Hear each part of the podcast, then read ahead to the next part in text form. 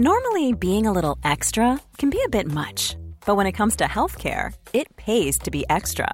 And United Healthcare makes it easy with Health Protector Guard fixed indemnity insurance plans. Underwritten by Golden Rule Insurance Company, they supplement your primary plan, helping you manage out of pocket costs without the usual requirements and restrictions like deductibles and enrollment periods. So when it comes to covering your medical bills, you can feel good about being a little extra. Visit uh1.com to find the Health Protector Guard plan for you.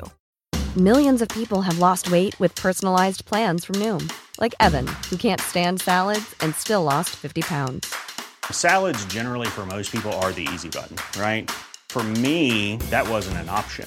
I never really was a salad guy. That's just not who I am. But Noom worked for me. Get your personalized plan today at Noom.com. Real Noom user compensated to provide their story. In four weeks, the typical Noom user can expect to lose one to two pounds per week. Individual results may vary. Wow. Nice. Yeah. What you're hearing are the sounds of people everywhere putting on Bombas socks, underwear, and t-shirts made from absurdly soft materials that feel like plush clouds. Yeah, that plush. And the best part? For every item you purchase, Bombas donates another to someone facing homelessness. Bombas. Big comfort for everyone. Go to bombas.com slash ACAST and use code ACAST for 20% off your first purchase. That's bombas.com slash ACAST. Code ACAST. What gets weirder and weirder the more you think about it? Owning a pet. Essentially you have taken this animal from their mother and have kept them against their will, but they have developed Stockholm syndrome to the point that they love you. Dog, you feed me, you pet me, you shelter me, you must be God. Cat, you feed me, you pet me, you shelter me, I must be God. Both. Shuts on floor. Where are my testicles? Summer.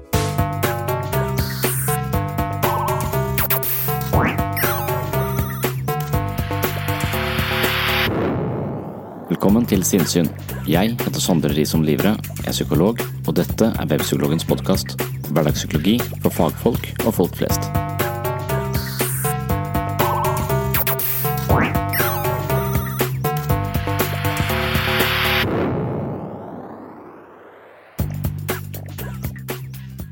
Jeg hadde besøk av eh, to psykologistudenter som ville snakke om spiritualitet, menneskets syke og våre eksistensielle vilkår koblet opp mot psykologi og psykologisk behandling. De fleste mennesker har et eh, livssyn, enten de er bevisste eller ei, og livssynet vårt det farger våre opplevelser av verden. Livssynet er som regel etablert i kontakt med våre nærmeste og miljøet gjennom oppveksten og frem til den vi er i dag. Noen har foreldre som har påvirket dem mye, mens noen er mer påvirket av den lokale menigheten eller et religiøst perspektiv på livet. Noen har hatt foreldre som viktige omsorgspersoner, mens andre har manglet denne tryggheten. De som manglet foreldre med tilstrekkelig omsorg, kan ha funnet sin omsorg hos Gud eller en høyere makt. I så tilfelle er det avgjørende hvordan denne guden er som omsorgsperson. Er hen en kjærlig og vennlig støttespiller eller en streng og fordømmende figur? Her kan man kanskje gå til utviklingspsykologien og forstå Gud på linje med en forelder for å utlede personens psykiske liv som følge av en oppvekst med nettopp denne typen foreldrefigur. Jeg er selv opptatt av ulike forståelser av menneskets tilblivelsesprosess, og jeg tror at livssyn spiller en avgjørende rolle. Hvordan forholder psykologen seg til andres livssyn, og hvilken rolle spiller det i behandling? Bør spiritualitet spille en viktigere rolle i selvutvikling, og kan det hende at ulike livssyn representerer ulike kart og veier til mening i livet? Jeg er en tilhenger av kart som viser oss ulike stier i vårt moralske og eksistensielle landskap, og er interessert i å se på de fleste kart som påberoper seg å vise vei til et godt liv. Dette er dagens tema, og jeg innleder med en liten vignett som sier noe om absurdisme.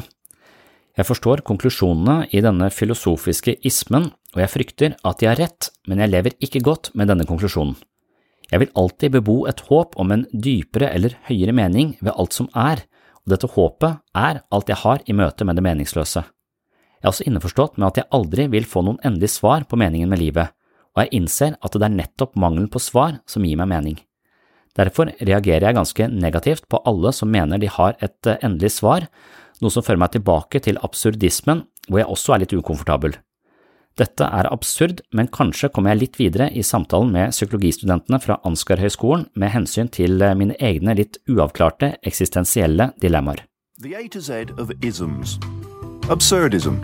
Most philosophical isms are attempts to make sense of the world. Who are we? Why are we? What's the point? And so on. But oneism wastes no time on this topic at all. It's called absurdism. In answer to the question, what is the meaning of life? Absurdism says, there isn't any. No meaning, no point, no worries. Life is pointless, existence is meaningless, and look how many peas I have in this pan. Absurdism was pioneered by the Danish philosopher Søren Kierkegaard, who said that as the reality of God is beyond human comprehension, it is absurd for humans to have faith in God. In the 20th century, absurdists removed the concept of God entirely from the equation, choosing to make meaning and meaninglessness an entirely human issue.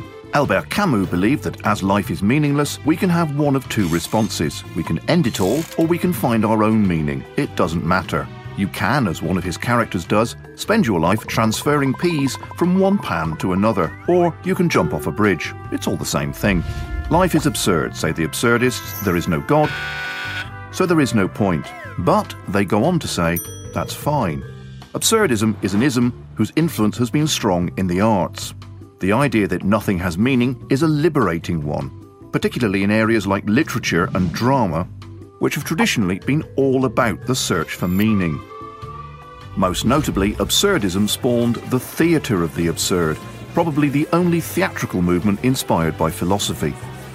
The theatre of the absurd gave us the French writer Eugene Ionesco, whose play Rhinoceros was about the dangers of conformity and featured a lot of rhinoceroses, the Irish genius Samuel Beckett, whose work is less rhinoceros based, and the British writer N.F. Simpson, who wasn't really an absurdist at all, but is very, very funny indeed, especially in his absurd masterpiece, A Resounding Tinkle.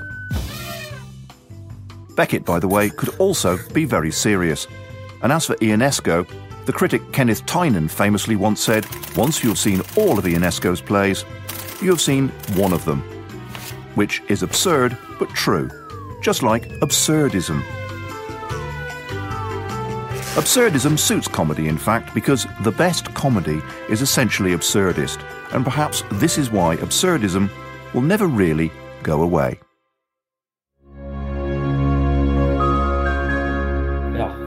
Ja. Veldig, veldig stilig. Ja. ja. ja. Jeg brukte litt eh, tid på det. Å være i menigheter, og så brukte jeg tid på å krangle med pastoren på en podkast. ja, okay. Ja. Det var ikke krangling, det var mer eh, samtaler. Ja, Eh, diskusjon, argumenter. Ja, Ja. for og imot. Og så, og så gjorde vi det i 23 episoder, og så kom vi ikke lenger. Okay. Så da stanga vi hodet i veggen. Vi kom bare inn i de samme blindveiene gang på gang. Ok, Hva var det typisk? Nei, det er sånne kommer ned til en del sånne spørsmål hvor vi ikke klarer å enes, og liksom ikke kommer noe videre heller. Okay.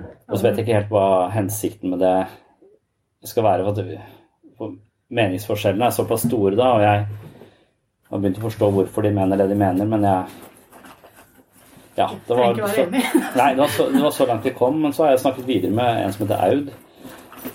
Eh, Sunde Smemo, som, eh, som er, eh, er prest i, nede i domkirken. Okay. Og vi kommer eh, atskillig lenger, syns jeg. Men hun er en langt mer liberal eh, teolog. Ja. Han er sånn fundamentalist. eh. Jeg, vet ikke, jeg vil ikke akkurat si det, men si at, jeg- si at de, de frikirkelige sammenhengene er nok litt, litt mer konservative ofte enn en statskirken. Statskirken er nok eh, det som ligger tettest på folket, liksom. Ja. Og dermed også det, sannsynligvis det mest liberale i en såpass sekulær, sekulært samfunn som vi lever i. ja. Kan vi i hvert fall begynne med at uh, vi har tatt utgangspunkt i, Eh, Kapittel nummer syv i denne boka vår. religionspsykologiboka vår. Ja. Det handler om uh, objektrelasjonsteori. Ja. Ja. Og da spesielt uh, Risuto. Altså, Risotto. Jeg tror ikke det er risotto. Nei, men Vi har vel hvordan primære relasjoner i livet legger grunnlaget for eh, livssyn og gudsbildedannelse. Ok. Mm. Ja. Så at man ja, De primære relasjonene setter utgangspunkt for andre relasjoner. ikke sant? Sånn Ja. overføringsteori og motoverføring. Um, og så hvordan det etter hvert bygger opp til dannelse av gudsbildet. Og hvordan Ja. man fornyer gudsbildet også etter hvert. Ja. Mm. Så sa jo Risotto at. At eh, Gud var det glemte objektet i psykologien. Ja. Så er jeg også innom han Heinz Kort og sånn selvpsykologi. Ok. Ja, Ja. Vi kan i hvert fall begynne med spørsmålet eh, religion som eh, psykisk forsvar, som ah, Freud sa at det var en illusjon og et forsvar for å eh, vedlikeholde eh, Hva blir det? Eh, det blir en sånn indre balanse. eller? ja, vedlikeholde sinnet, kan jeg si det sånn. Har du noe perspektiv på det? Om du mener at det er en slags forsvarsmekanisme at religion kan få Så må du være en skole igjennom. hvis du vil. Nei, Det er interessant at hun eh, nevner objektrelasjonsteori, for det har jeg snakket en del om selv i det siste. At jeg setter det i den relasjonen at jeg selv mangler mangler en gud. da. Ja. Og at Ja. derfor så, så er min relasjon til der det skulle vært en gud Les et større verdensbilde, en større mening, et eller annet eh, som eh, transcenderer det materielle og overgår eh, meg og mitt lille liv. på en måte. Der, der er det ingenting. Så når jeg kikker den veien, så er det bare et stort intet. Og det gir meg en høy angst, som jeg da fyller med whisky istedenfor å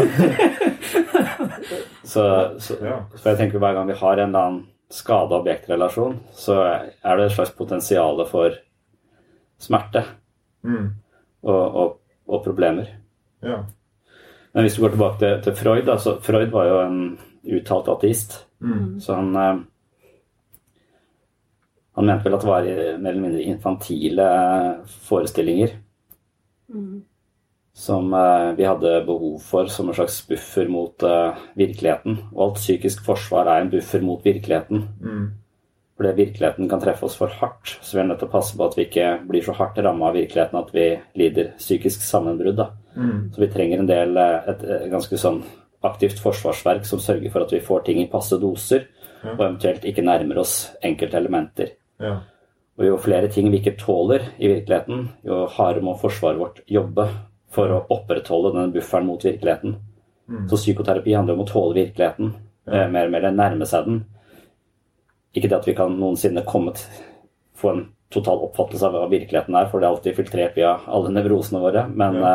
men det å nærme seg det og få mer realistiske um, forestillinger om meg og, og mitt forhold til andre mennesker og, og verden for øvrig, det var jo liksom det som var psykoterapiens mål, da, eller psykoanalysens mål også. Og for han så var nok eh, Gud en slags sånn litt barnslig forestillingsbilde vi beholdt for å føle oss ivaretatt av noe større. Ja. Ja, ikke sant? Det, det mente han Ja, han mente det var eh, barnslig og noe vi burde vokse ifra, da. Ja. Så han ser jo på, på religion og mystikk som noe som noe ja, litt sånn eh, mindreverdig, nesten.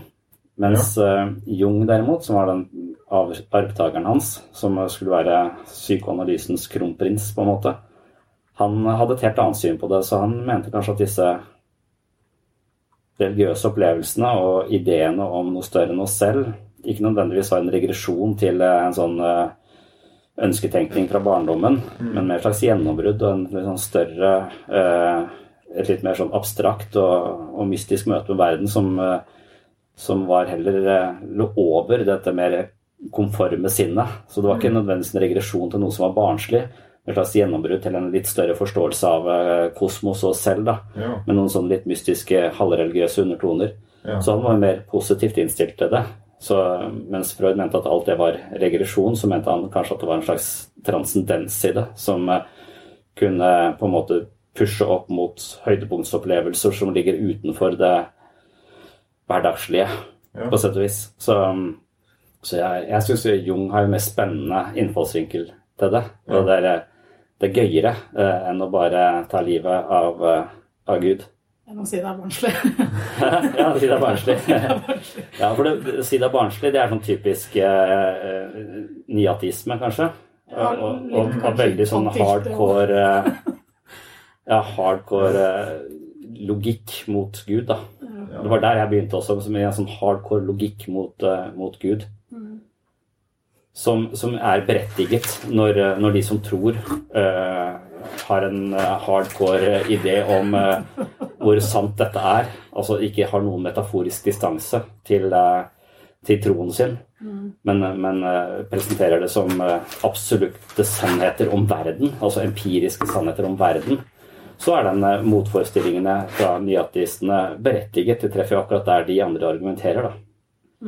Så, men det kommer an på hvor moden tro du møter. Jeg tenker kanskje at det finnes en slags utviklingslinje innenfor tro også, hvor du begynner på et ganske eh, konkret sted, og så klarer du å abstrahere langsomt, så blir det stadig mer komplisert, og det blir mye vanskeligere å forklare din egen tro etter hvert som du modnes i den, for den går litt ut av språket, og med en gang du prøver å forklare det, så drar du ned til noe som mister en vesentlig del av det.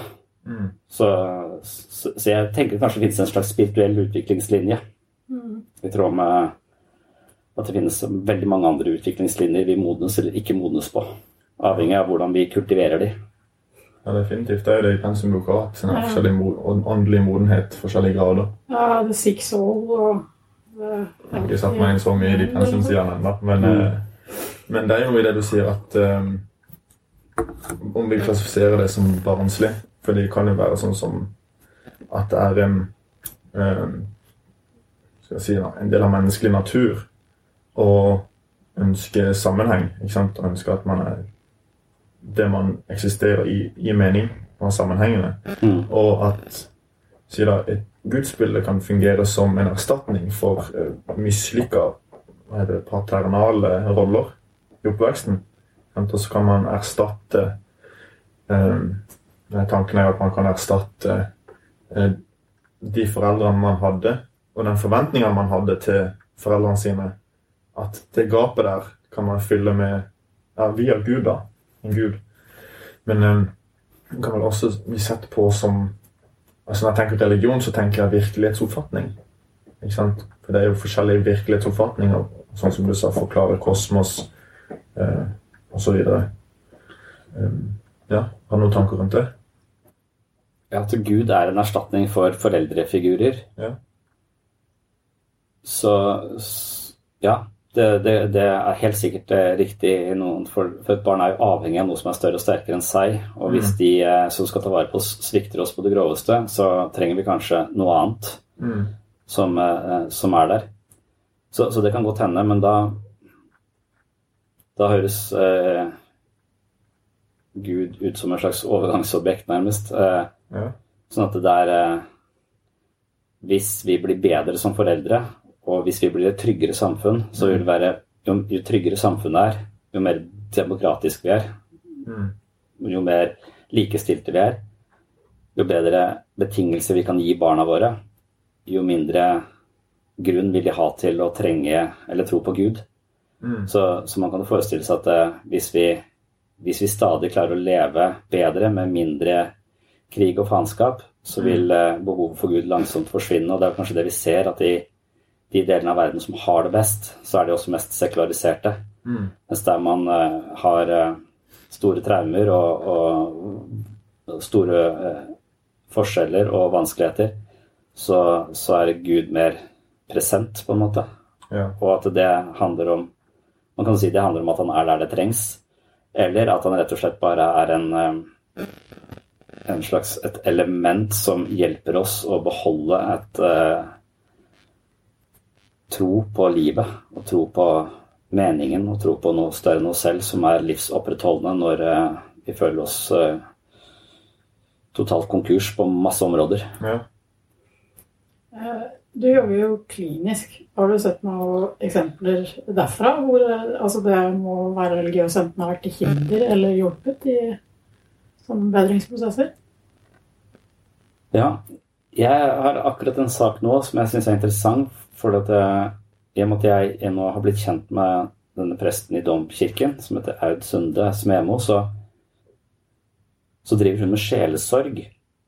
Og, hva, og hennes spesialitet er på en måte å modifisere folks gudsbilde dersom de har vokst opp med et gudsbilde som frarøver de livskvalitet og gjør det vanskelig å leve.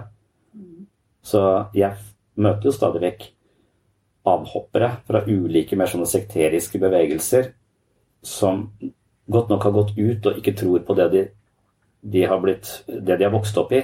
Men likevel så ligger det en tvil der på at Men hva hvis Armageddon kommer? Hva hvis jeg havner i helvete? Hva hvis altså det, Den tvilen den klarer de ikke å bli kvitt, selv om de med sin fornuft skjønner at det ikke er, eh, er riktig. Og så ser de kanskje de dokumentarene på Brennpunkt ikke sant, som gikk gjennom bl.a. Uh, det, det tilfellet nå er Jehovas vitne, en som har hoppa av uh, fra Jehovas vitne. Mm.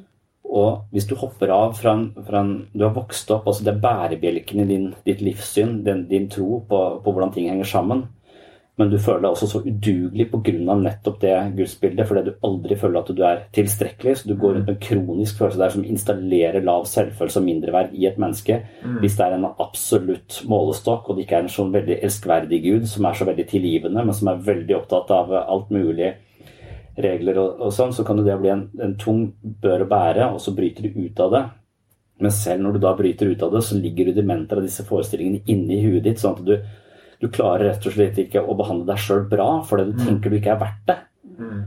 Og, og, det å kaste et helt livssyn ut med badevannet, det syns ikke jeg nødvendigvis er Eller det er ikke jeg sikker på om er det riktige. For veldig mange går fra å tro til å bli ateister. Mm. Og jeg er usikker på om, om det er Det får den enkelte bestemme, men jeg syns kanskje hva med, hva med en mellomting her? Mm. Og det hjelper hun Aud med. Da, altså at jeg tenker at det, for at du skal bli bedre med din forferdelige selvfølelse og måten du behandler deg sjøl på, så må du få et modifisert eh, gudsbilde. Du må klare å Rett og slett, du har et gudsbilde. Hun tror fortsatt eh, på Gud, og du må oppdatere det. Akkurat som å oppdatere mobiltelefonen din innimellom. altså Du må få et oppdatert syn.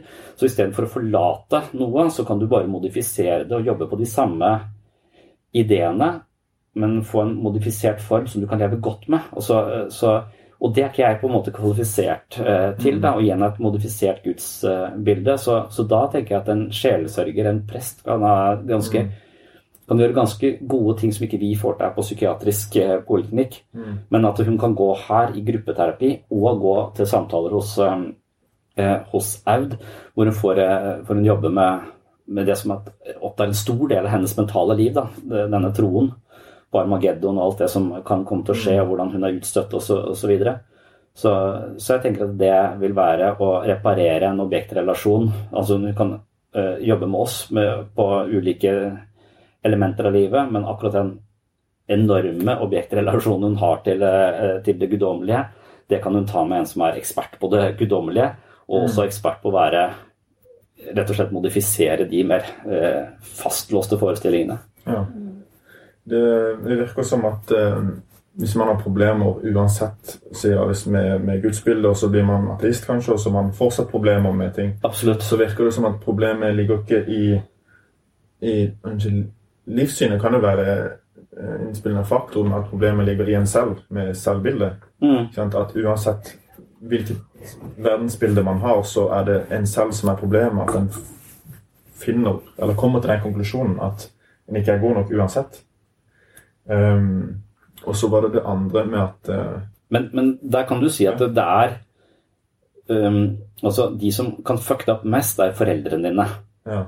Hvis du lever uh, sammen med dem, så, så, er de på en måte tettest på deg, og deres betydning for din måte å tenke på og din måte å forstå deg selv på, det vil psykologien si er ganske altavgjørende. Mm. Og hvis du da har Gud som en slags reservefar, eller eh, hovedfar for den saks skyld, mm. og det er en, så, så vil du ha da vil det være helt avhengig av hva slags forelder er ja. vedkommende. Og det kommer an på hva slags miljø du er i.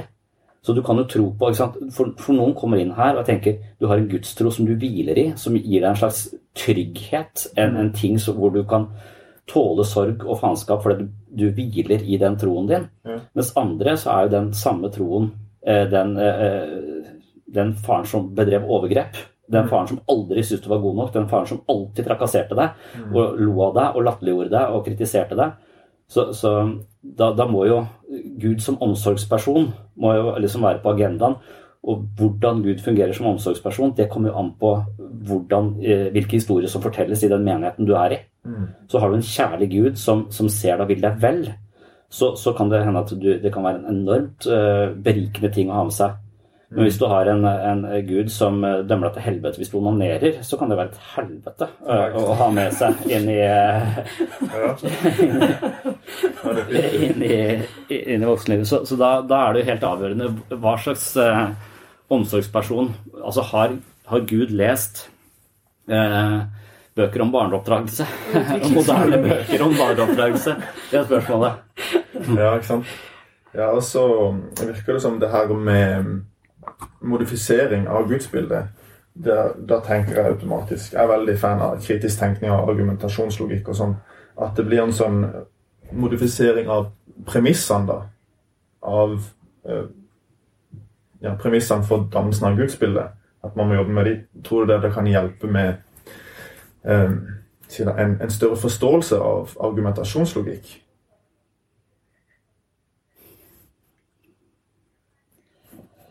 Ja, jeg vet ikke om man, eh, om man kjører seg fast, uh, mm. seg fast, på det. Jeg er litt usikker, men uh, Det er et vanskelig spørsmål som er litt jeg har, sansen for, uh, jeg har sansen for sånn som Jordan Peterson gjør det. At han, at han viser meg Bibelen på nye måter som gjør det spennende for meg. Mm. Og som gjør det åpent, og, og, og som, som, gjør det til en slags sparringspartner for å finne mening i livet. Mm.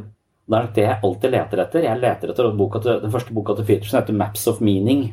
Ja. Og jeg har også ført en, en sånn filosof som heter Ken Wilber, som har vært veldig opptatt av kart over, over verden. Altså Kartet er aldri det samme som terrenget, men kartet kan gi oss en oversikt over terrenget. Mm. Og jeg tror at det å leve som menneske handler om å ha masse gode kart tilgjengelig som viser deg vei til mening. Mm. Og religion kan være et ganske verdifullt kart ja. uh, som, som, vi kan bruke til å finne, til å finne mening. men men da, men, da, kommer det helt an på hvilket nivå du er på. Er du på et sånn arkaisk og konkret nivå, så, så, vil det eh, kartet ofte være ganske dårlig eh, til, å, til, å, orientere seg etter i livet. Så du må hele tiden samle på nye kart og modifisere de karta du har. Og det er det som er denne utviklingslinja. Da. Så, så det å vokse i sin tro, det, det tror jeg handler om at du langsomt blir langt mindre dogmatisk, langt mindre bombastisk og langt mer abstrakt. Så hvordan Gud ser ut for deg altså den begynner Når du er barn, så er du konkret tenkende, og da trenger du en mann med hvitt skjegg. Mm. Men langsomt så vil denne uh, gudeskikkelsen forandre seg. Mm. Så på ulike utviklingstrinn så vil Gud ha helt forskjellig ansikt for deg. Ja. Og på et veldig abstrakt nivå så er det nesten bare kjærlighet, kanskje.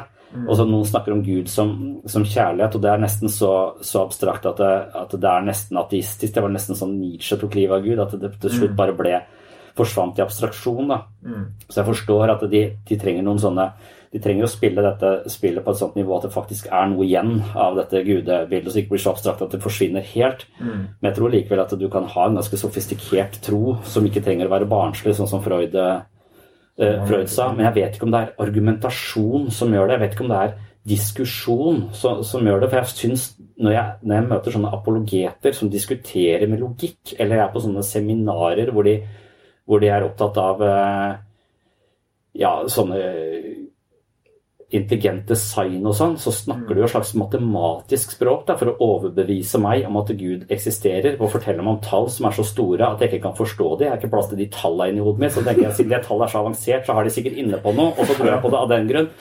Så, så det virker på meg som mer sånn lureri. Mm. Uh, så jeg vil nok være mye mer opptatt av de åndelige og sånn abstrakte og estetiske kvalitetene ved, ved tro. Jeg liker det mye bedre. Jeg liker kirker.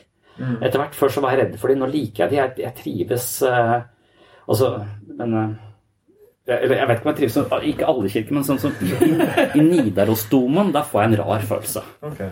Jeg syns, jeg syns det, om det kan kalles en slags åndelig opplevelse. Mm. Og så har jeg jo lært meg å respektere religion på en annen måte. For jeg syns det er et interessant meningsskapende spill. Jeg syns det er et interessante kart og en, en, en idé du kan spare med for å skape mening i ditt eget liv.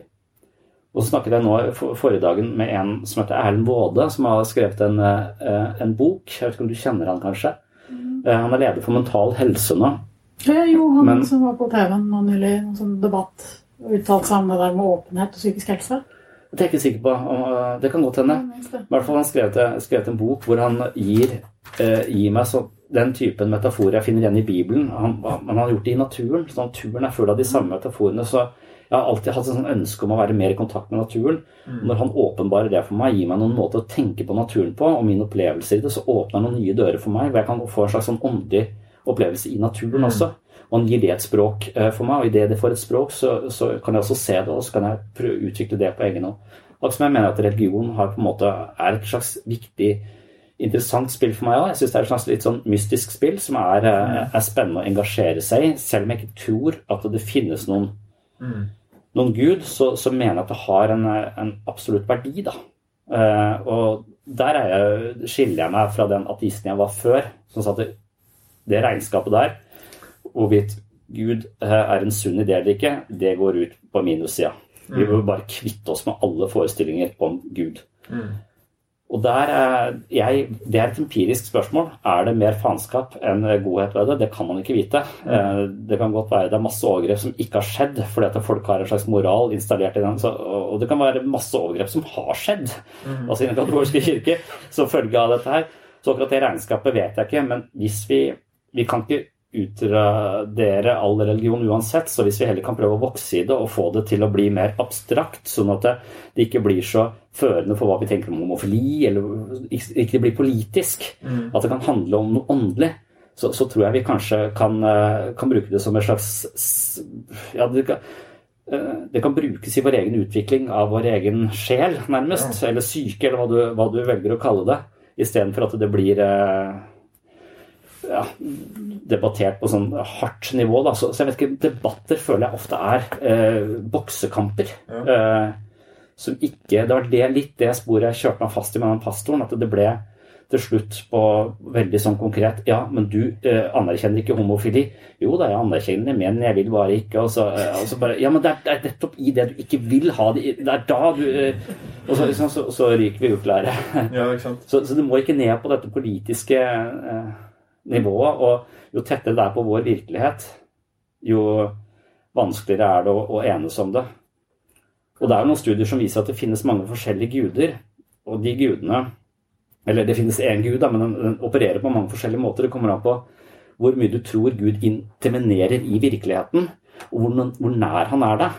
Mm. Og da, da er det en sånn, eh, en sånn tro på at ok, det er noe større enn meg, men det intervenerer ikke i, nødvendigvis i virkeligheten. Eh, så det, blir noe som er litt langt ute. Ja. Og det gudebildet det tror jeg i hvert fall det er minst sjanse for at du går til krig på. Men så er det mer som tenker at ja, jeg må be så mange ganger om dagen, hvis ikke så skjer det, eller jeg må gjøre sånn, jeg kan be til det, så vil det Altså om Gud kan annullere universets lover og plutselig intervenere på vegne av din, eh, dine ønsker, hvis han velger på den måten. Og det blir en veldig mer sånn konkret variant, eh, variant av den, og den, den tror jeg ligger mye tettere på virkeligheten, og potensialet for konflikt føler jeg er større. Potensialet for OCD også, kanskje. Mm. Ja, ja. ja. Mm. Altså er kanskje grunnen til at det kanskje virker litt skjult å diskutere religionen på en sånn veldig rasjonell måte, er kanskje at det er veldig knytta opp til det folk føler. da. Mm. I form av Ja, det er jo mange eksempler på at man vet at man At det er, er det rasjonelt riktige, da. Mm. Eh, Men så henger ikke følelsene med nødvendigvis alltid. Nei. Og det er jo litt sånn som objektrelasjoner. altså Mitt forhold til faren min på en måte, det, det er jo en absolutt subjektiv ting som jeg husker på forskjellige måter, avhengig av hvor jeg er hen i livet. Og vårt forhold utvikler seg, og jeg modifiserer. Og det er vel liksom det øh, Sånn objektsvikt, da, selvobjektsvikt, det er vel det som jeg har opplevd med Gud. At jeg som liten trodde at Gud fantes, men innså på et eller annet tidspunkt at det der ikke holder mål, og så, og så svikter denne guden totalt. da, fordi at jeg har ingen Jeg har ikke noe Som du snakket om i stad, jeg har ikke noe jeg har ikke noe arena for å diskutere det. Det er ingen som bryr seg om det rundt meg. Foreldrene mine har ikke vært eh, spesielt religiøse. De kan i hvert fall ikke de, de sier som kulturkristne, tenker jeg. Og så, så hvis du spør de direkte, så sier jeg ja, det kan godt hende det fins et eller annet. Men, så så, så da, da er det som det objektet svikter meg, og, og det blir en liten sånn, lite sår der. Eh, og så isteden for at jeg, bare Det kuttes av den, den relasjonen jeg har til det åndelige, som det ble hos meg, helt kutta av. Eh, så, så, vil, så, vil, man på en måte også se at foreldrene svikter deg innimellom. Mm. Også, men så har de mange også, men så reparerer du de forholdene, så blir relasjonen bare sterkere og sterkere. Mm. Med mindre du kutter ut foreldrene dine, for det er noen som også gjør. ikke sant? Ja. Altså, de har foreldre som ikke strekker til, og så kutter du de ut. Mm. Uh, og da blir det ofte et eller annet om du, Da må du jobbe ganske mye med deg selv, for da er det en brutt objektrelasjon. og Det trenger mm. nye bærebjelker i livet ditt. Andre mennesker, så, sånn at det, så, så det å reparere relasjoner, som vi driver med i gruppeterapi, da, det er å reparere de eh, relasjonene vi har til andre, ofte via eh, nye relasjoner, så vi kan eh, korrigere for de erfaringene man har tidligere og sånn. Men også jobbe med de relasjonene og akseptere at den ideen jeg hadde om foreldrene mine, den er ikke helt sånn som jeg tenkte, men jeg hadde behov for at de var der oppe på en pidestall, mm. for da følte jeg meg trygg. Og jeg innså ikke at hver gang de ikke fungerte optimalt, så tenkte jeg at det var meg det var noe galt med, og mm. det har skada min selvfølelse. Ja. Så kan man langsomt begynne å innse det, og det er vel det som er å modnes og bli voksen. Da, å innse at foreldrene dine hadde en del skavanker fordi de er mennesker. Akkurat som du er et menneske, et strevende menneske. Og hvis du kan akseptere det, så kan du ofte knytte et sterkere bånd uh, til de menneskene. Uh, vel vitende om at de har svikta deg på noen måter, men, men uh, du ser også andre avskygninger av Men så er det noen som har foreldre som overhodet ikke har noen gode avskygninger i det hele tatt, og da er det kanskje noe som kutter de, kutter de ut. Mm. Så, så, jeg fikk ikke reparert mitt forhold til noe, noe åndelig, eh, for det var ikke noe, noe, arena for det. Eh, men så har jeg gjort det i voksen alder. Da. Det er sikkert derfor jeg, liksom, jeg har gått fra å være for å på en måte mis, I og med at det svikta meg, så har jeg hata det litt. Mm. Og så har jeg gått hardt ut mot, eh, mot religion. Og så har jeg blitt møtt uh, på en fin måte av uh, de kristne. Uh, som jeg har vært sånn at De har ikke bekrefta min for, hva si, Jeg har ikke fått en ny far som bare kjefter på meg. Ja, bekrefta. De er duster. Det var det jeg visste. Jeg kunne fått bekrefta at de er duster, men de var ikke duster. Eh, så, så, så da fikk jeg langsomt i voksen alder reparert mitt forhold til eh, til åndelige, vil jeg si. Derfor så, Jeg anser meg selv som en ganske åndelig person, men ikke, jeg tror ikke på eh, på den kristne guden eller noen andre sånne ja. guder, men, men, jeg finner mye i naturen eh, etter hvert som jeg har bikka 40. det fordrer vel også en eh, viss uh, openness to experience, da. Ikke, for du ja. kunne jo gått inn der, og så kan du jo tolke veldig mye i hvilken retning du vil, på en måte. Ja. Så det hadde nok vært lettere å si de var duster enn å ja. ja. Det virker i hvert fall som du har en veldig sånn, skal jeg si da, vitenskapelige holdning. Altså det å undersøke eh, Prøve å legge fra seg fordommene sine da, og tidligere overbevisninger. Og eh, bytte låne briller litt med andre folk. Prøve ut hverandres synspunkter. Mm. Eh, og så prøve å bygge broer mellom de perspektivene. Mm. Kan du se noe Du sa jo at du har endra synet ditt underveis, men er det noe som du kan forankre i i dine primære relasjoner i oppveksten, eller er det noe som har utvikla seg kan separat fra det etter hvert som du har økt kunnskapsnivå osv.? Hva tenker du på det åndelige? Altså den åpenheten med å kunne legge fra seg fordommer, eller det å undersøke forskjellige perspektiver. Ja. For å bygge broer mellom dem, istedenfor å liksom, ta avstand og dømme. Ja, det, det, tror jeg sånn psykologien har lært meg, sånn langsomt. Jeg tror jeg var ganske bombastisk og, og, og sånn det, det er en slags ja, Da tror jeg du kan uttrykke deg i litt ulike retninger. Du kan eh, på en måte bare lage tjukkere og tjukkere vegger i din egen virkelighetstunnel. Eller du kan forstå at du sitter i en ganske snever virkelighetstunnel. Og psykologien driver vel hele tiden og, og forteller deg at uh, alt det du opplever, er filtrert av masse faktorer du ikke har kontroll på inni huet ditt. Så mm. det må du være litt ydmyk overfor. da. Ja. Så, så, jeg tror at jeg har bodd på Mount Stupid, som det heter, og så har lest én bok og tror at det er eh, sannheten. Og så mm. jeg husker jeg leste den første psykologiboken og sa ja, nå skjønner jeg psykologi. nå er jeg her. Og så var det fem år til å studere, og så, så langsomt så, så tar du ned teltet ditt, og så flytter du litt lenger ned i dalen fra Mount Stupid, hvor du på en måte ser alt eh, så, så, det tenker jeg på som, en, uh, som at universitetet kanskje har hjulpet meg med. Mm. Universitetet har hjulpet meg til å Eh, jeg har kommet med så mange oppgaver hvor jeg har konkludert og sier ja, men det, eh, eh, det driver vi ikke med. Det å konkludere på den måten der sånn, det bare vitner om at du mangler oversikt over alle de andre feltene som sier noe om dette fra helt andre innfallsvinkler enn det mm. du ser akkurat her. sånn. Mm. Så, så, det er en sånn typisk postmonalisme som er det, liksom, det som er det førende i akademia i, dag, som kan bli litt sånn impotent, for du tør ikke å si noe som helst til slutt, men, eh, men det har gjort meg i hvert fall sånn Jeg håper at jeg blir langsomt litt mer ydmyk, men det tror jeg skal jobbe med resten av livet også. Mm. Det er godt sagt. Mm. Ja. Eh, tilbake til det her med eh, overføringer og motoverføringer. Relasjoner og følelser assosiert til situasjoner. da. Eh, er det noe du tar utgangspunkt i og kanskje lærer bort i arbeidet ditt, det kliniske arbeidet? Ready to pop the question? The jewelers at BlueNile.com have got sparkle down to a science with beautiful lab grown diamonds worthy of your most brilliant moments. Their lab grown diamonds are independently graded and guaranteed identical to natural diamonds, and they're ready to ship to your door. Go to BlueNile.com and use promo code LISTEN to get $50 off your purchase of $500 or more. That's code LISTEN at BlueNile.com for $50 off. BlueNile.com code LISTEN.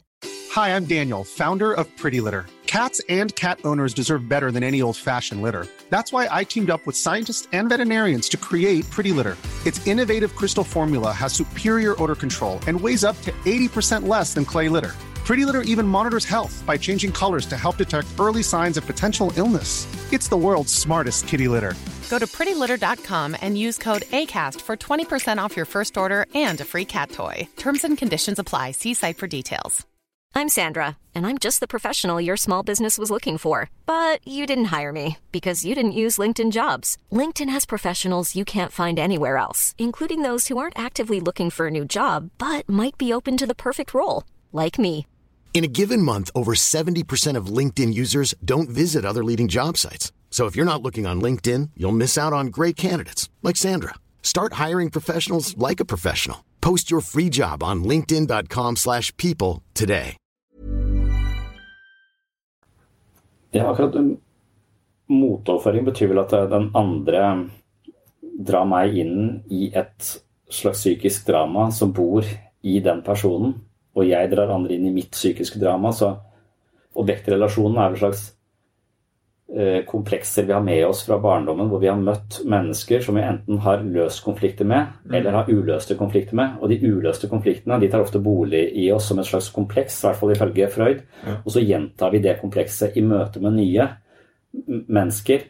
Og da kan jo jeg på en måte tillegge andre mennesker egenskaper de egentlig ikke har, og presse de inn i, eh, i måter å se seg selv på som de ikke nødvendigvis pleier å være i. Mm. Sånn at jeg, jeg blir enten dratt inn i en eller annen type reaksjon og reagerer på i tråd med det den andre projiserer over på meg, eller, eller motsatt. Så, så det driver vi hele tiden og undersøker. Det er en del av psykoterapien. er å også, også se om vi driver og gjentar et eller annet mønster her. Mm. Og om det er mitt eller ditt psykiske drama vi driver nå også spiller ut og prøver å, øh, å, å få løst på nytt i nye relasjoner. Men ofte så har vi da, hvis vi har f.eks. er vant til at eh, menn på vår egen alder mobber oss, Mm.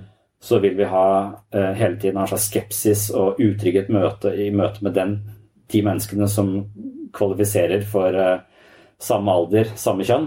Eh, og, så, og så vil vi på en måte oppføre oss på en sånn måte at vi ofte blir litt dårlig behandla av de, eller et eller annet eh, sånt. Mm. Og så vi gjentar ofte disse kompleksene, og det er det som er faren. Vi gjentar disse, disse mønstrene, og så må vi se det, og så se hvor de kommer fra, og eventuelt prøve å reparere det i nye eh, relasjoner. Og si at eh, åh, jeg blir utrygg på deg fordi at du eh, det er et eller annet eh, din måte å være på som gjør meg utrygg. Og så må man utforske det. Så det er en terapiens vesen, egentlig. Og så prøve Ja. å finne ut av og rydde opp i de, i de relasjonene. Ja, ikke sant? Ja, Det kan være misforstått, men slik jeg tolker det, så mot overføringer Altså kanskje utgangspunkt i overføring. Altså Man tolker en person på en viss måte pga. en fortid, og den tolkninga da mot overfører en følelse hos meg.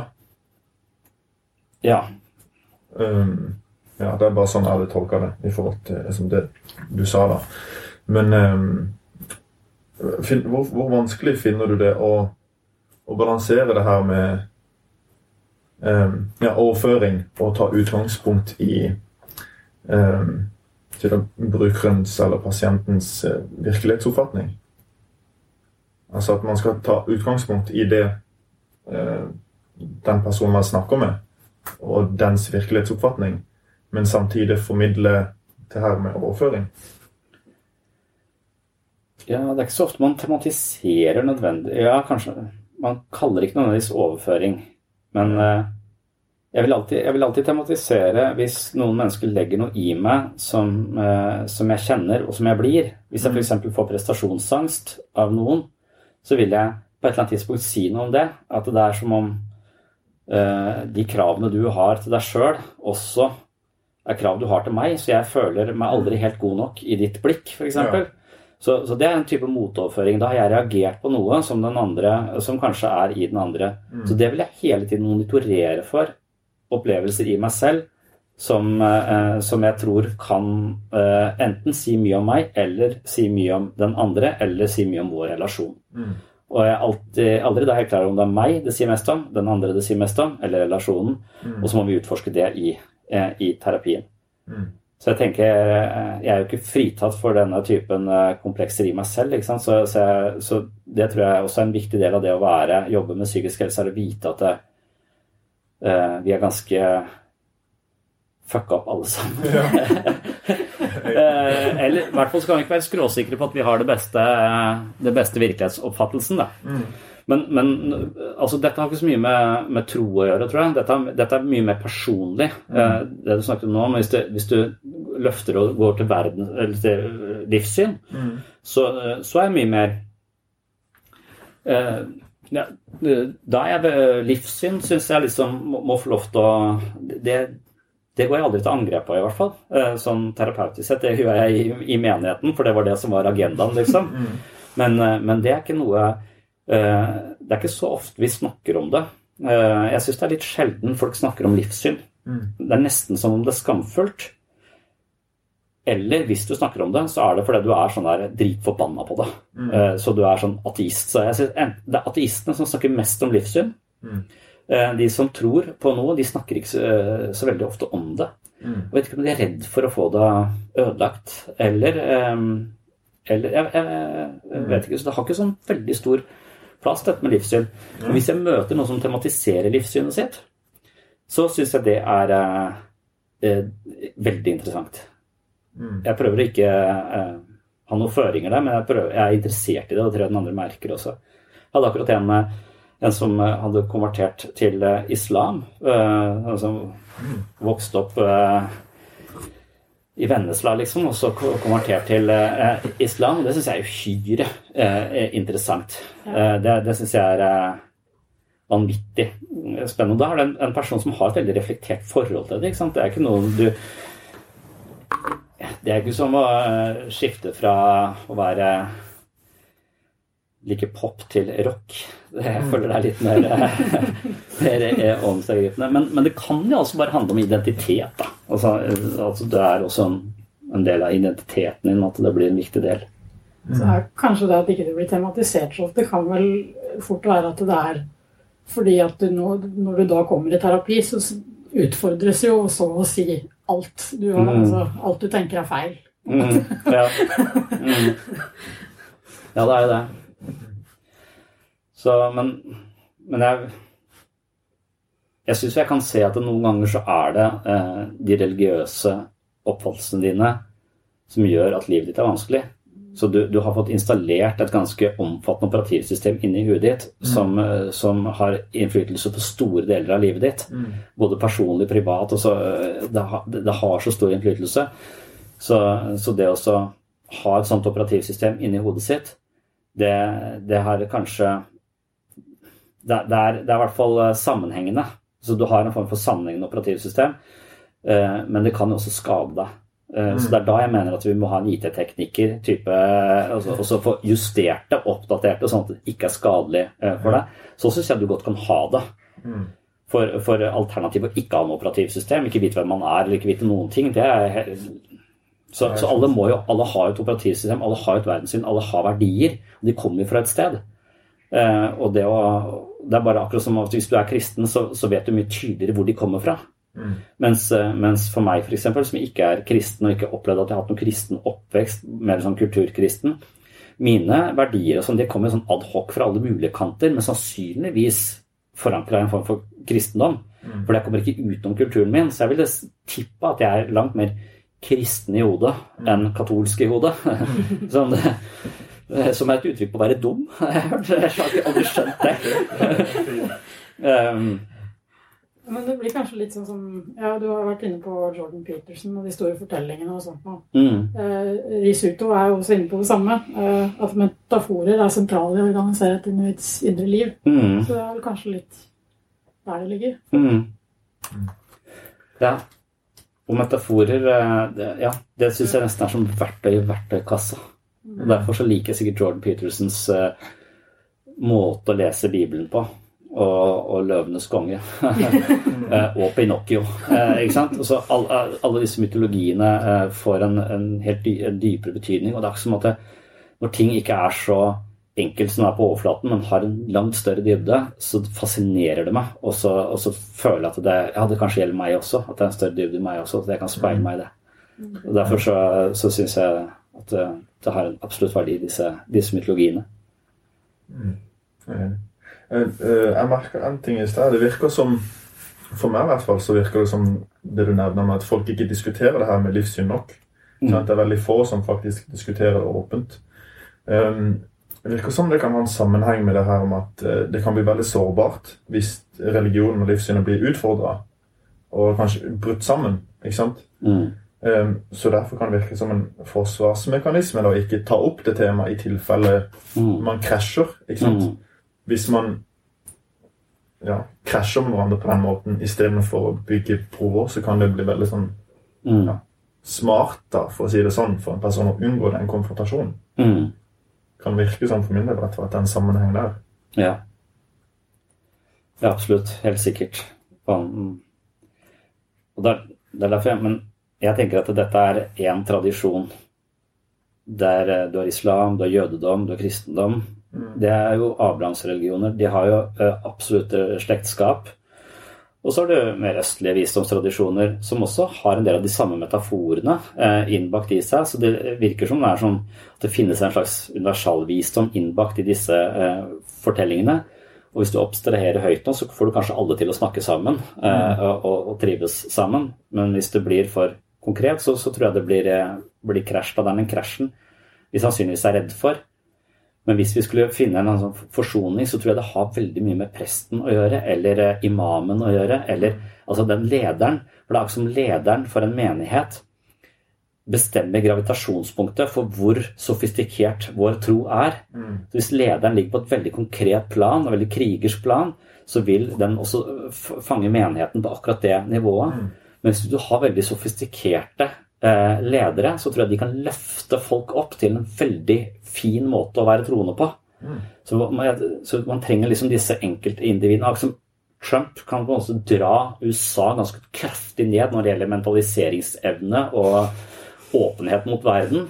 Og så kan eh, en annen person løfte hele, eh, hele befolkningen til et, til et høyere Så dette kalles av og til the conveyor belt, har jeg hørt. Uh, At man må tenke at uh, hvis, eh, hvis du har en åndelig leder som er, som er høyt, høyt utvikla, så vil den åndelige lederen kunne hjelpe folk i denne stigen oppover i, i sin åndelige utvikling, på en måte. Og da vil de også kunne kjenne igjen en mann med hvitt skjegg. Fordi de skjønner at i meg selv har jeg også hatt et nivå hvor jeg tenkte at Gud var en mann med hvitt skjegg, og det var viktig for meg å tro på det på den måten. Så den som er høyt oppe, den skjønner, den kjenner til sin egen utviklingslinje, så den kan prate med folk. Eh, som også tenker at det, eh, altså, altså, På en måte snakke med folk om Gud på det nivået de er. Men også hjelpe de til å trekke de videre. Altså sone for nærmeste utvikling. Dra de litt videre oppover, sånn at de kan vokse i troen sin. Sånn at de ikke blir sittende fast i et låst system. Det er det jeg ikke liker hver gang jeg møter troende som har forklaringer på alt, og vet alltid hvordan ting er sånn, for det står der, det står der, det står der, så er det akkurat som det er et lukka system. Og, og da, da er det ikke noe vekstpotensial, føler jeg. Det er bare å følge dette systemet til du kommer til neste brett. Ja.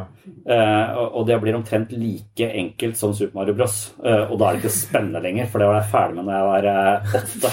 ja, ikke ja, så jo lenger en, en leder da klatrer opp den stigen selv, jo lenger opp kan han hjelpe andre. Ja, Hjelpe det tenker jeg. Mm. Mm. Akkurat som en psykolog. Ja. Akkurat som en eh, sjelesørger, en prest. Akkurat som alle som jobber med mennesker, uh, vil på en eller annen måte eh, ha selv et slags gravitasjonspunkt for, eh, for hvor de sånn bevissthetsmessig er i utviklingen sin på masse forskjellige områder. Og hvis du har, Derfor så tenker jeg at en psykolog trenger ikke så innmari mye Det er ikke så viktig å ha så masse kunnskap, men det er viktig å være et godt menneske. Mm. Uh, og derfor så Det å gå på kurs er liksom litt feil. Du må utvikle deg selv som menneske. Og så, så fra å være sånn passe rasshølaktig til å bli litt mindre rasshølaktig, det vil gagne folk som er rundt meg, bedre enn at jeg lærer meg metakognitiv terapi. Mm. det viktigste da ligger kanskje med på det å ha erfaringer en kan relatere seg til. Opplevelser.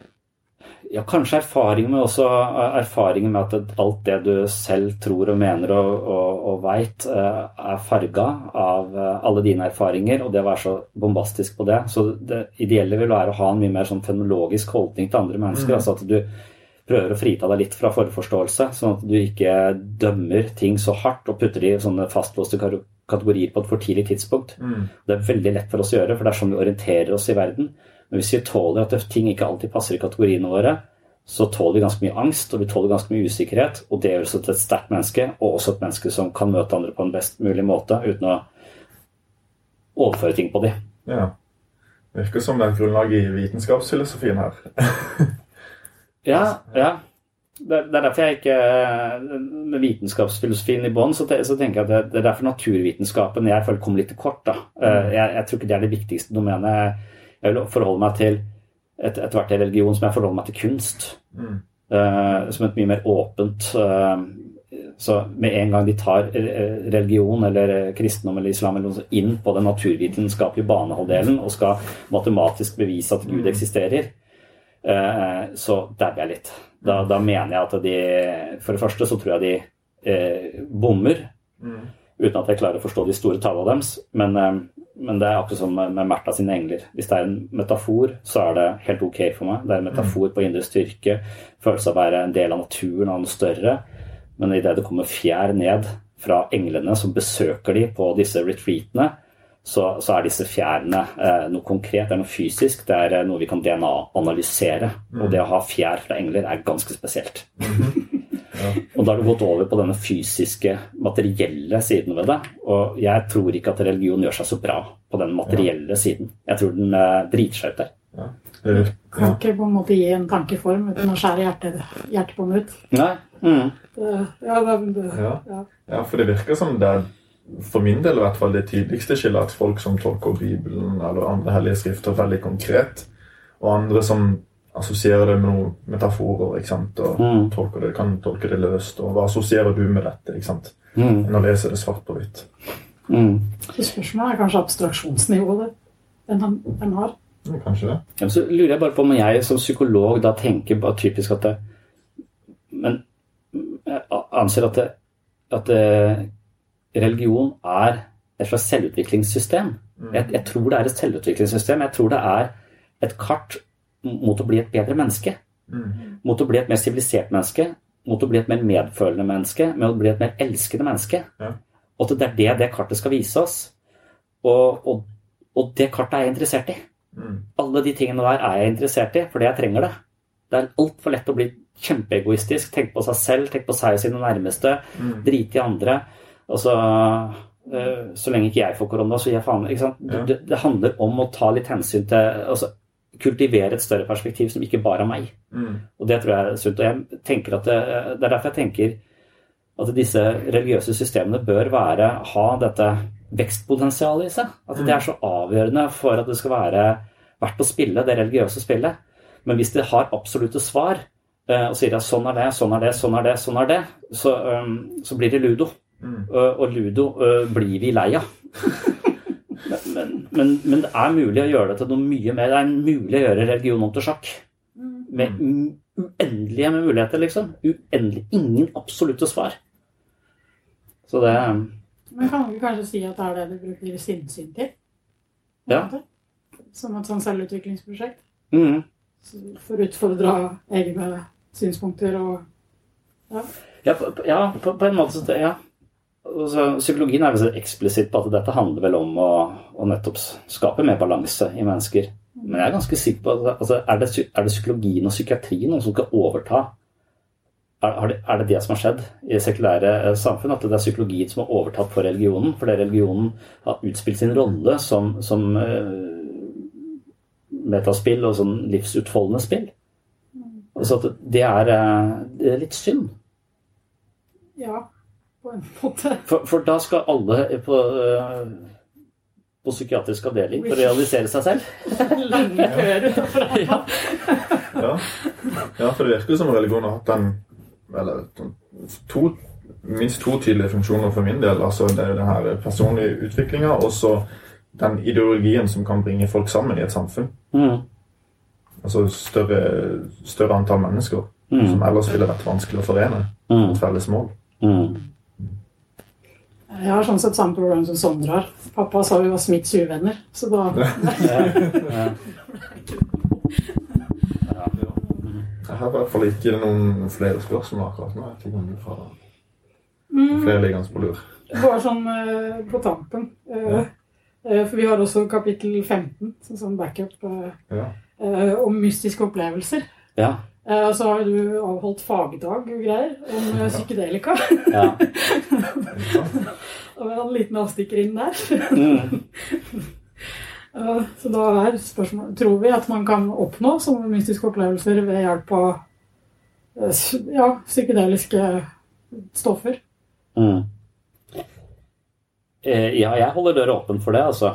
Inne på kontoret mitt nå, som jeg ikke var inne på, så hadde jeg med en bok i det som jeg liksom Jeg hadde glemt litt, men jeg har en førsteutgave av uh, Psychedelic Experience. Uh, En manual uh, based on the Book of the Dead av Timothy Leary, som er signert. Oi! Så er en kamerat som jobber i etasjen over her, som også er veldig opptatt av dette psykedeliske. Så jeg måtte vise han denne signerte boka, første gang fra Timothy Leary fra 60-tallet. Og det er Ja, så det har jo fått absolutt sin renessanse, det i disse dager. Så jeg har en, en pasient nå som er i Moss, på, på den ketaminklinikken der, Mhm. som, eh, som er som Depresjon. Ja, som depresjon. Så jeg, det, det ble jo forbudt i sin tid litt sånn av eh, religiøse årsaker, fordi det man mente at det nærmest var en slags direkte kommunikasjon med Gud. Eh, og det skulle være forbeholdt eh, prestene, så Mm. det skulle ikke frigjøres til folket. Hvem som helst skal ikke prate med Gud, da prater de høl i huet på. Ja? Eh, så, så det er jo Man og mann, ja. ja, men jeg, jeg er selv eh, sånn fryktsom til det, for jeg, er sånn, jeg tror ikke jeg er såpass trygg på meg selv at jeg er helt sikker på om jeg sitter helt på plass. Eh, oppi huet mitt så er jeg litt redd for å, å, å utforske det, men jeg er interessert i det, og jeg vil følger hele tiden den forskningen og tenker at det er en, et interessant domene. Jeg har alltid vært litt skeptisk til sånne kjemiske nøkler eh, for, å, for å få det bedre. På den annen side så har jo alle kulturer alltid brukt det. Et eller annet eh, stoff som har endra bevisstheten litt. For det er i bevisstheten alle perspektivene våre ligger. Og hvis vi kan endre de perspektivene litt, så kan vi få et større perspektiv. Og jeg har en slags håp om at det, at det der i den gata, i den sånn halvspirituelle Helst ikke sånn New Age-aktige, men at man man på en eller annen måte kan få en slags forsoning med sin plass i kosmos. Da, eh, og, og kanskje få dempa den dødsangsten som bor i meg, den angsten for at alt er meningsløst. Og Jeg mistenker at angsten at alt er meningsløst er fordi jeg, jeg mener at livet mitt er veldig meningsfullt, men jeg mener at jeg lever i en meningsfull boble som henger i et meningsløst univers. Så med en gang jeg dør, så, eller så det, er, det, er liksom, det er fullt av mening i mitt liv. Jeg har barn, jeg har masse ting jeg bryr meg om. Mm. Men det er ikke i en meningsfull sammenheng. Derfor så henger det løst. Så det er eh, mening innkapsla i et lite egg, liksom, som kommer til å knuse på et eller annet tidspunkt. Så derfor så, så, eh, men jeg mener kanskje det er fordi at jeg i den bobla ikke har et større perspektiv, fordi at eh, hjernen min er begrensa, og at det er mulig kanskje å få noe glimt av noe som er større, som kan gi meg en slags trygghet på en følelse av sammenheng i det hele. da. Mm. Men jeg tipper at jeg ligger mye tettere på sånne naturreligioner. at jeg, kan, jeg, jeg, jeg vil aldri komme til å tro at jeg skal til et paradis som er veldig sånn konkret, men jeg vil kanskje ha en slags opplevelse en sånn høydepunktsopplevelse innimellom kobla til natur og en sånn opplevelse av eh, stor meningstetthet da, Mm. og en følelse av ett med det som er rundt meg. Og, og det, det, det tror jeg kanskje er eh, en tilgjengelig uh, via disse kjemiske nøklene, kanskje, eller disse psykedeliske stoffene, at jeg ikke blir så fanga av mitt eget ego. Uh, at det, det ego er det som binder meg til verden på en litt sånn slitsom måte og gir meg dødsangst. da. Hvis jeg kan liksom, det ego kan, kan få litt mindre makt i mitt indre liv, så tror jeg at det er mulig å se noe større. Og jeg tror kanskje at det, for å komme dit, så kan man få ganske god drahjelp eh, av disse psykedeliske eh, variantene. Men eh, ja, men alternativet til han han, var, han, han var helt innstilt på at det skulle han prøve, for han har vært deprimert så lenge. Så mange år. Mm. Alternativet det var å gå til en, på en sånn ayahuasca-retreat her i Kristiansand hos en, hos en fyr som, som er, eh, er kjent for å være sånn hardcore militærtype og sett masse ufoer. Ja. Altså, altså, risikoen er liksom det er, det, er så, det er det som er så greie. Hver, alle som driver med det, har så mye andre rare ideer. Mm.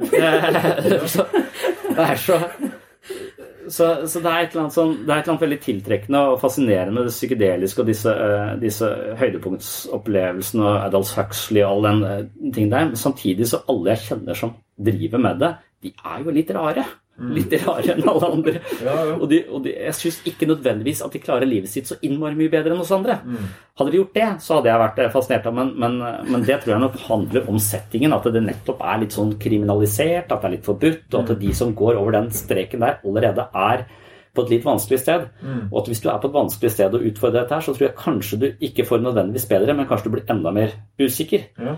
Men hvis du da er på et trygt sted eller trygge omgivelser og kan bruke dette på en kontrollert måte i eh, passe doser, så tror jeg det har et voldsomt potensial. Ja. Altså, jeg tenker Det kan jo se ut som at det har noe sammenheng med rigide overbevisninger. Hvis man har veldig rigid overbevisning i forskjellige ting, og så prøver eh, noe psykadelisk som kan få en til å prøve andre briller, Mm. så ser jeg for meg at det er en sjanse for at den, det nye perspektivet kan bli veldig rigid. Sånn? Mm. At man faller veldig fort inn i det. Men Mm. hvis man har en sånn halvveis åpen, sant, analyserende, veier Mm. begge sider, alle flere sider, Mm. så kan man kanskje ja, Mm. øh, hoppe over øh, den. Eller gå gjennom den psykadeliske opplevelsen og ende opp med en videre åpen holdning, da. Ja. Med nye perspektiver man kan integrere i det gamle perspektivet. Ja. Istedenfor å hoppe helt over på et nytt et. Ja. Og uten at man kjøper batikkbukser på Shangri-La etterpå. Ja. Og jeg husker jeg diskuterte dette med, eh, med kristne, og så mente kanskje at ok, eh, epileptiske anfall osv. Det gir ofte en nærdøden opplevelser eller en følelse av eh, kommunikasjon med Gud. Altså det er noen som har type mentale utfordringer som gjør at de får eh, en guddommelig opplevelse eller opplevelse av kontakt, direkte kontakt med, med Gud. Og da mente jeg at det er liksom, da er det rett og slett bare en illusjon i hjernen. Det er bare et eller annet som skjer i hjernen som gjør at du får den opplevelsen. Og det har lurt deg til å tro at det finnes en gud, og så har du gått og fortalt eh, dette til alle andre, og så har de trodd på det, og så har det blitt en greie. Ja. Eh, Det, det kan man, eh, men mens da møter jeg ofte Men hvis det finnes en gud, tror du ikke at han har installert en mulighet i hjernen til mennesket via f.eks. en eller annen kaktus eh, til å snakke? Altså at det finnes en form for vei, en kommunikasjon. Ja, at det finnes en sammenheng mellom dette eh, og det, det, det, det materielle og det immaterielle, på en måte. Og at det, det, eh, den veien, den kan du kanskje meditere deg til. Eller du kan eh, gå Det, det fins mange veier da, til Mm. dette immaterielle. Og, og at det da finnes en eh, blomst eller en sopp eller en kaktus som, eh, som kan være et slags overgangsobjekt. Det er, det er jeg jammen ikke eh, Jeg skal i hvert fall ikke avskrive det. Nei, ikke sant? Det er enig ja. ja, altså mennesket tar utgangspunkt i vår, skal jeg si da, nevrologi for bevissthet. Ikke sant? Og vi vet ikke om en annen, annen former kan tillate bevissthet eller ikke. ikke sant? Nei. Vi blir stadig bedre oppmerksom på at eh, dyr sannsynligvis har en form for bevissthet som ligner eh, vår mer enn vi trodde. Noe Mm. som henspiller oss til å være litt mer eh, forsiktige med det, og ikke behandle de så dårlig. Ja, ikke det? Mm. Samme med sopper. Har hørt Ja. om han her Paul Stamets. Ja. Ja. Med, med maioli. Jeg husker ikke helt hvordan, hva det heter, men Ja. soppen som er bevisst på hvor han befinner seg. Ja. ja. Ja, ja, ja, myseliumet. Ja, det er Ja.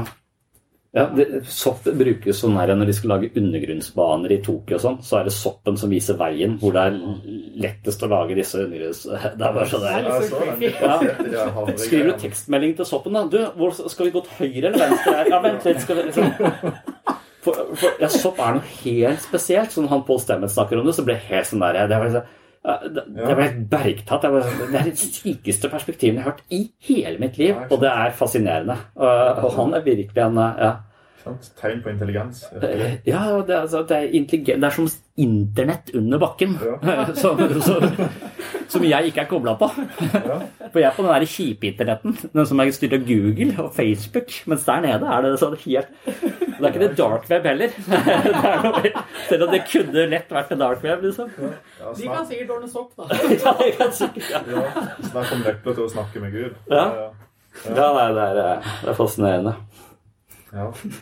Og virkelighet eh, ja. Veldig kult. Er vi, er vi i boks? Jeg tror vi har det, da. Ikke hvor lang tid vi har brukt det. Ja, en times litt sånn Kunne gjerne snakka masse Ja. mer, men uh... Ja. ja, vi har jo bare de 40 tilmålingene våre Ja. maks. Så Ja. for egen del så er det jo mm. veldig gøy. Veldig trivelig. Ja, i like måte. Nei, du skulle jo trodd du hadde lest den OK, da. Ja. Du får inn Ja. veldig mye av det vi har hatt om oss. Ja. Ja, for det, det synes jeg, med, som jeg snakket med meg selv, at jeg føler at der jeg har mine største plager og smerter, det er i meningsløsheten. Det er det, jeg, det er det som på en måte virkelig gir meg så høy angst at jeg ikke klarer å leve med det. på en måte, At jeg må ut, jeg, må, jeg klarer ikke å være i den angsten. For det kan jeg skjønne meg igjen i, den her metafysiske menings... Ja, greia. ja at du, du kan, alt kan være helt greit, og så plutselig bang, så forsvinner all farge fra, fra tilværelsen, og så skjønner du at oi, vi skal dø. Alt, det, ikke, det ikke alt det vi strever og jobber og, og styrer Ja. for. Jeg har satt disse barna til verden, og kanskje er totalt meningsløs. Og Ja, for, vanvittig eh, opplevelse av eh, noe sånn totalt meningsløst. Og da, da får jeg helt sånn da brekningsfornemmelser. Og jeg tenker at det, i det, men det er ikke, det er ikke der så lenge, og det er ikke så ofte jeg er der, men ofte ved store overganger i livet, så kommer jeg dit. Altså Hvis jeg får barn, eller hvis det er et eller annet veldig voldsomt, så, så tror jeg plutselig dette melder seg eh, hos meg. Og da tenker jeg at den objektrelasjonen jeg har fra meg til noe større, altså noe guddommelig, Mm. den, den er ikke der så i enden det er sånn. Hver gang du har en objektrelasjon som er enten ødelagt eller brutt, Ja. så vil du kompensere med alkohol eller Mm. eh, rusmidler. Altså ikke da psykedeliske stoffer, Mm. for det hadde jo eh, kanskje eh, etablert, men rett og slett bare fylle det svarte hullet med noe så du slipper å kjenne på den smerten. da. Mm. Og det er det jeg gjør. Jeg driver meg ut av det. Det er ikke det at jeg nødvendigvis alltid drikker for å komme meg ut av det, men, jeg, men jeg, av og til så må jeg gå ut i, i regnet, altså i trusa, og bare kjenne kulden på kroppen for å komme meg ut av den der følelsen av, av meningsløshet. Ja. Og det, det tenker jeg altså, så Hvis jeg da hadde hatt for masse dårlige relasjoner til foreldrene mine, og hatt masse sånne objektrelasjoner, at jeg hadde fylt det med alkohol og Mm. rusmidler og tilfeldige partnere, eller hva faen folk gjør for å klare å overleve med disse brutte objektrelasjonene, Mm. det er ganske det er ganske forståelig hva, hvordan folk prøver å kontre den voldsomme smerten og disse brutte indre livet eh, på, på, den, på den med sånne type avhengigheter, eller fylle disse sorte hullene med et eller annet. Mm. For det, ja. Det her syns jeg er artig at dere For dere er jo mine diametrale motsetninger her. For jeg har motsatt reaksjon på meningsløshet. Ja. Jeg tenker det er fint at det ikke spiller noen rolle.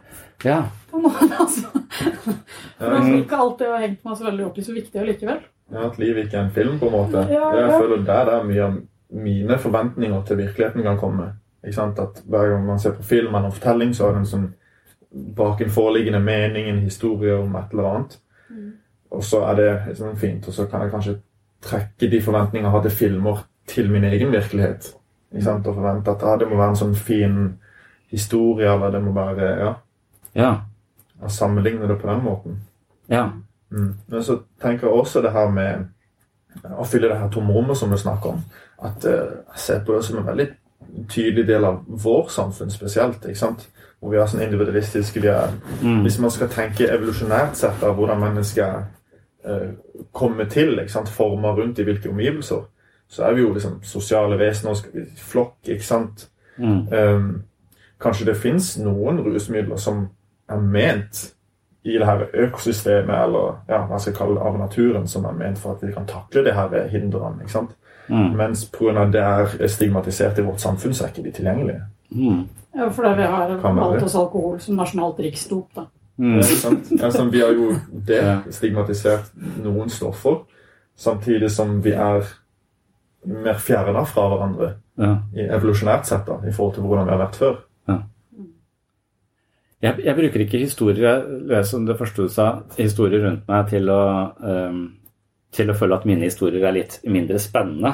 Mm. Jeg bruker de mer som å gjøre livet litt mer spennende. Ja. Den siste historien er Dr. Jekyll og Mr. Hyde, som er liksom etter Frankenstein og Dracula den mest kjente grøsseromanen av han Robert Louis Stevenson, som egentlig for meg representerer dette urmen... Eller det er jo det han mener, han, han er jo opptatt av dualiteten i det å være menneske. Og, og da snakket jeg om det i forhold til å være emosjonelt ustabil. Altså at du, du føler sterkt i det ene øyeblikket, og så kan du litt senere på dagen føle nesten motsatt. Og at det ikke er noe særlig bro mellom disse. Du er bare ulike moduser som ikke har noe sammenheng. Og det er jo Dr. Jekyll og Mr. Hyde, på en måte, og den følelsen av mangel på kontinuitet i seg selv.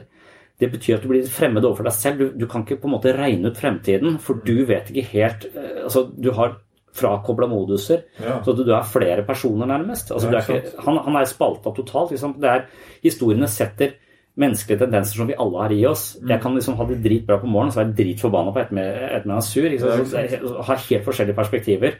På det ene så elsker jeg barna mine, så har jeg lyst til å kaste dem ut av annen etasje.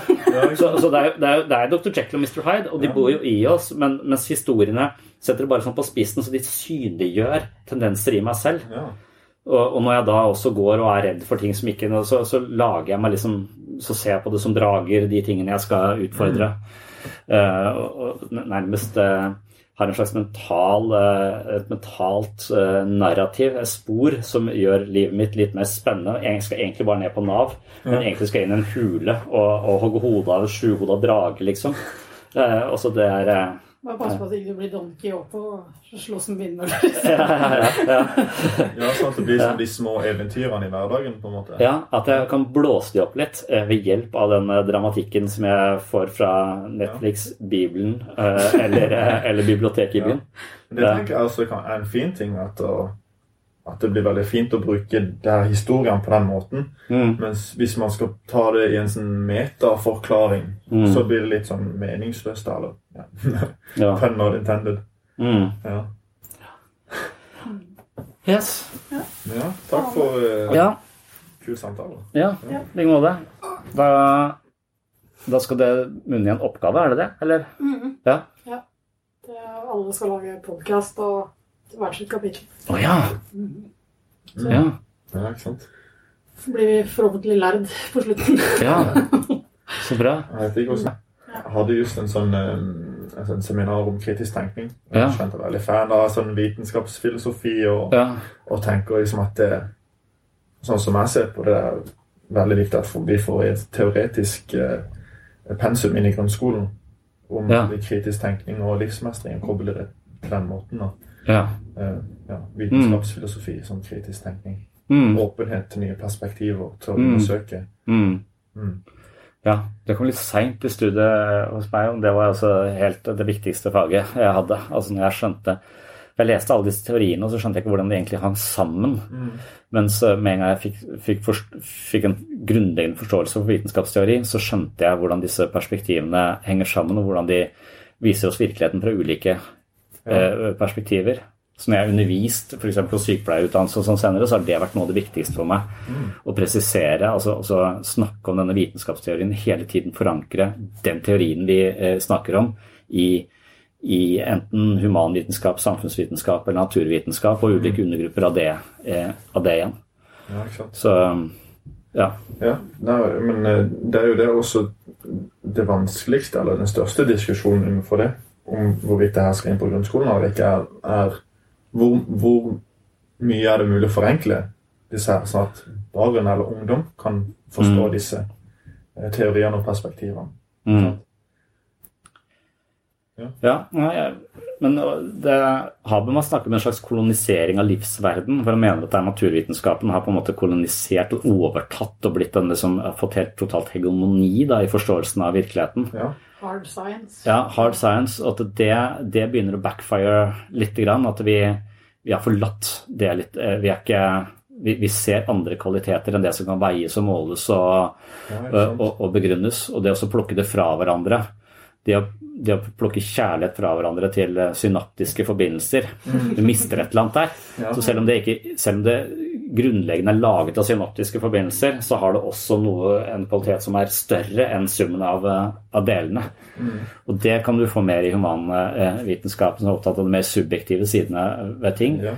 Og så er det Freud, det er liksom meg og mitt hode. Og så er det, det postfreudianerne, objektrelasjonsteoretikerne, som er meg og den andre, som er det intersubjektive. Mm. Og at jeg er et intersubjektivt vesen. Jeg er på en måte sammensatt av disse eh, relasjonene jeg har hatt, som har tatt bolig i meg og blitt, blitt meg og min dialog med meg selv. Mm. Så, så at man har alle disse, alle disse innfallsvinklene. Men, og, og det er spesielt viktig når man skal forstå seg sjøl. Altså. For, for hvis du tenker nå at ja, jeg har eh, ADHD, for det er noe gærent med hjernen min. Mm. Så, altså, det, det, er det, det er mer det sånn individuelle perspektiv på at det er noe nevrokjemisk gærent. Det er en naturmedisinsk perspektiv på din egen mangel på konsentrasjon. Men så kan du også tenke at det er et kulturelt perspektiv på det. For jeg begynte å bruke mobiltelefon så mye at det har fucka opp oppmerksomheten min så dramatisk at jeg klarer ikke å konsentrere meg mer enn fem minutter av gangen. Mm. For jeg hele tiden sjekker mobilen, så oppmerksomhetsspennet mitt har gått fra en time til tre minutter. På, li- på, nei, på lik linje med Donald Trump og, og i oppmerksomhetsspenn. Og til det da ikke egentlig har fucka opp hjernen, men den måten jeg lever på. Fordi kulturen har pressa meg inn i en måte å leve på som jeg ikke har klart å komme meg ut av, som jeg bare vil blitt en del av. Så det er et helt annet perspektiv. Det, er, det er mer sånn samfunnsvitenskapelig perspektiv på ADHD. Ja. Mens du kan ha et medisinsk perspektiv på ADHD, medisinere det med Ritalin. Ja. Eller du kan ha det. Og så, og så, og så kan man det kan være begge deler. Det kan være noe med hjernen. Det kan være noe med, med, med samfunnet. Det kan være at eh, medisinering hjelper dem. Det kan også være at du kan trene opp oppmerksomheten din ved å legge mobiltelefonen i en safe når du kommer hjem. Eh, og det, men sannsynligvis 100 000 andre årsaker også til hver enkelt, hver enkelt lidelse. Eh, hver enkelt depresjon. Har, det er så kompliserte årsaksforhold, og da må du ha flere perspektiver, flere innfallsvinkler i hodet samtidig. Og hvis ikke du har det, så låser du deg fast til ett perspektiv. Og da, da tror jeg ofte du bommer på intervensjonene du gjør også. Ja, det blir jo litt sånn altså Hvis huset ditt brenner, og du tar valium, så har du ikke angst lenger. Det brenner jo fortsatt. Ja, I helvete, nå brenner det. Hvor er whiskyen? Ja? Jeg tenker det blir som altså, det her med salutonogese og hva som skaper sykdom, hva skaper god helse. ikke sant? Kunne Ja. veie begge deler. Mm. Og det handler om å, å aldri konkludere med ett perspektiv, men alltid bevege seg litt videre. Nå er det og det og det perspektivet, men det finnes sannsynligvis eh, flere. Og det er en åpen holdning, og en, en holdning som borger for vekst. da. Mm. Også hvis du klarer, og Mange perspektiver kan du ikke gjøre noe med, og noen perspektiv kan du gjøre noe med. Ja. Jeg tenker det er sånn som når du sa i stad at vitenskap kan gjøre at den faller litt kort, eller havner litt fast. Jeg tror det er en litt sånn kanskje gammeldags tolkning av vitenskapen. så Jeg tror det var positivismen. ikke sant? Ja, Mens i dag så er vitenskap bare at det her er mest sannsynlig. Ikke? Mm. ikke at det er sånn det er, Mm. men at det her er det mest sannsynlige svaret vi har nå. Mm. Men det kan endre seg. Ja. Mm. Tenk at Den holdninga er viktig i, i livet, da, for å ikke sette seg fast og kunne ha en Mm. åpen holdning og utforske. Mm. Absolutt. Og Det er derfor jeg leder meg fra vitenskapsfilosofi, som kunne integrere de perspektivene for å Ja. Ja, det er, hvis, du, praktisere hvis du er på et universitet, så bør du bevege deg litt bort i gangene til noen andre fakulteter enn det du hører til. Mm. Eh, For hvis du bare hører til idrettsfakultetet og er på avdeling for ernæring, så tror du at all psykisk lidelse handler om underernæring eller dårlig ernæring og potetgull. Men så kan du gå på samfunnsvitenskapelig universitet og si at, eller fakultet og si at oi, det er noen andre perspektiver som vi mangler i denne altså, Spiseforstyrrelser handler kun om feil eh, du har spist for mye kjøtt tidligere i livet ditt, eller et eller annet som er sykt perspektiv. Som bare, så, så, så, så det å bevege seg litt rundt på universitetet på ulike fakulteter tror jeg er lurt. Ja, Eh, for, for da får du et eh, ja. Ja, var du vel inne på en, i en podkast og der må intervenere i flere forskjellige ja, kvadranter. Ja. Ja. Altså Hvis du kommer og bare spiser Grandiosa og er egentlig underernært, så er det kanskje ikke Nei. psykologi du får mest utbytte av. Nei. Du kan prate og prate og prate, og prate, men eh, den energien din, den uteblir like fullt. Ja. Yes. Jeg har en avtale klokka to, tror jeg. Så, mm.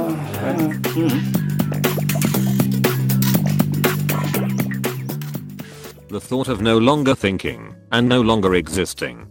That I'll be just as sentient as the table I'm currently resting on at some point in the next 60 years or so. That when my eyes close for the final time I'll enter an infinitesimally long, dreamless, emotionless, painless, and thoughtless sleep. My body will degrade to nothing, and any impact I've had on this earth will die out when those who knew me enter the same state. Duckman, I hate it when I think about this shut. Actually, if it's a good table, the table will possibly have a longer existence than you. More valuable too. Yeah, at least the table can support a family. You're older than you've ever been, and now you're even older. You're also the youngest you'll ever be.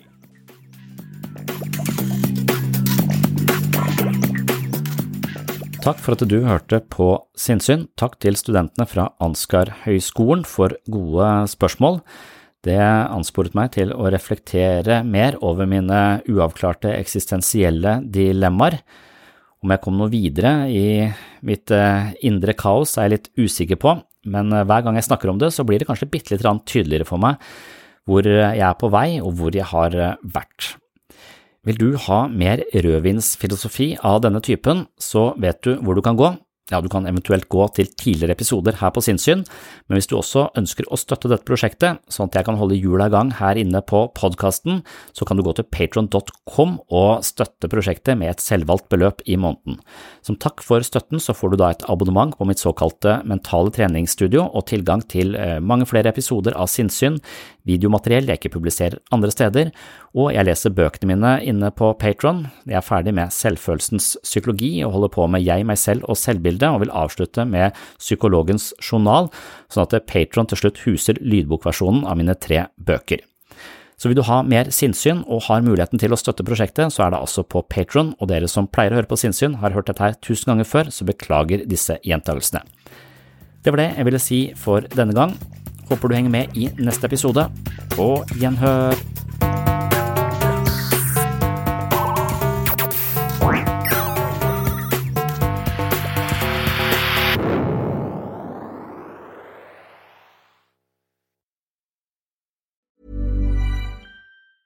Hi, I'm Daniel, founder of Pretty Litter. Did you know cats tend to hide symptoms of sickness and pain? I learned this the hard way after losing my cat, Gingy. So I created Pretty Litter, a health monitoring litter that helps detect early signs of illness by changing colors, saving you money and potentially your cat's life. Pretty Litter is veterinarian developed, and it's the easiest way to keep tabs on your fur baby's health right at home. Go to prettylitter.com and use code ACAST for 20% off your first order and a free cat toy. Terms and conditions apply. See site for details. Even when we're on a budget, we still deserve nice things. Quince is a place to scoop up stunning high end goods for 50 to 80% less than similar brands. They have buttery soft cashmere sweaters starting at $50, luxurious Italian leather bags, and so much more. Plus, Quince only works with factories that use safe, ethical, and responsible manufacturing. Get the high-end goods you'll love without the high price tag with Quince. Go to quince.com/style for free shipping and 365-day returns. Mom deserves the best, and there's no better place to shop for Mother's Day than Whole Foods Market. They're your destination for unbeatable savings, from premium gifts to show-stopping flowers and irresistible desserts. Start by saving 33% with Prime on all body care and candles. Then get a 15-stem bunch of tulips for just $9.99 each with Prime. Round out Mom's menu with festive rosé, irresistible berry chantilly cake, and more special treats. Come celebrate Mother's Day at Whole Foods Market.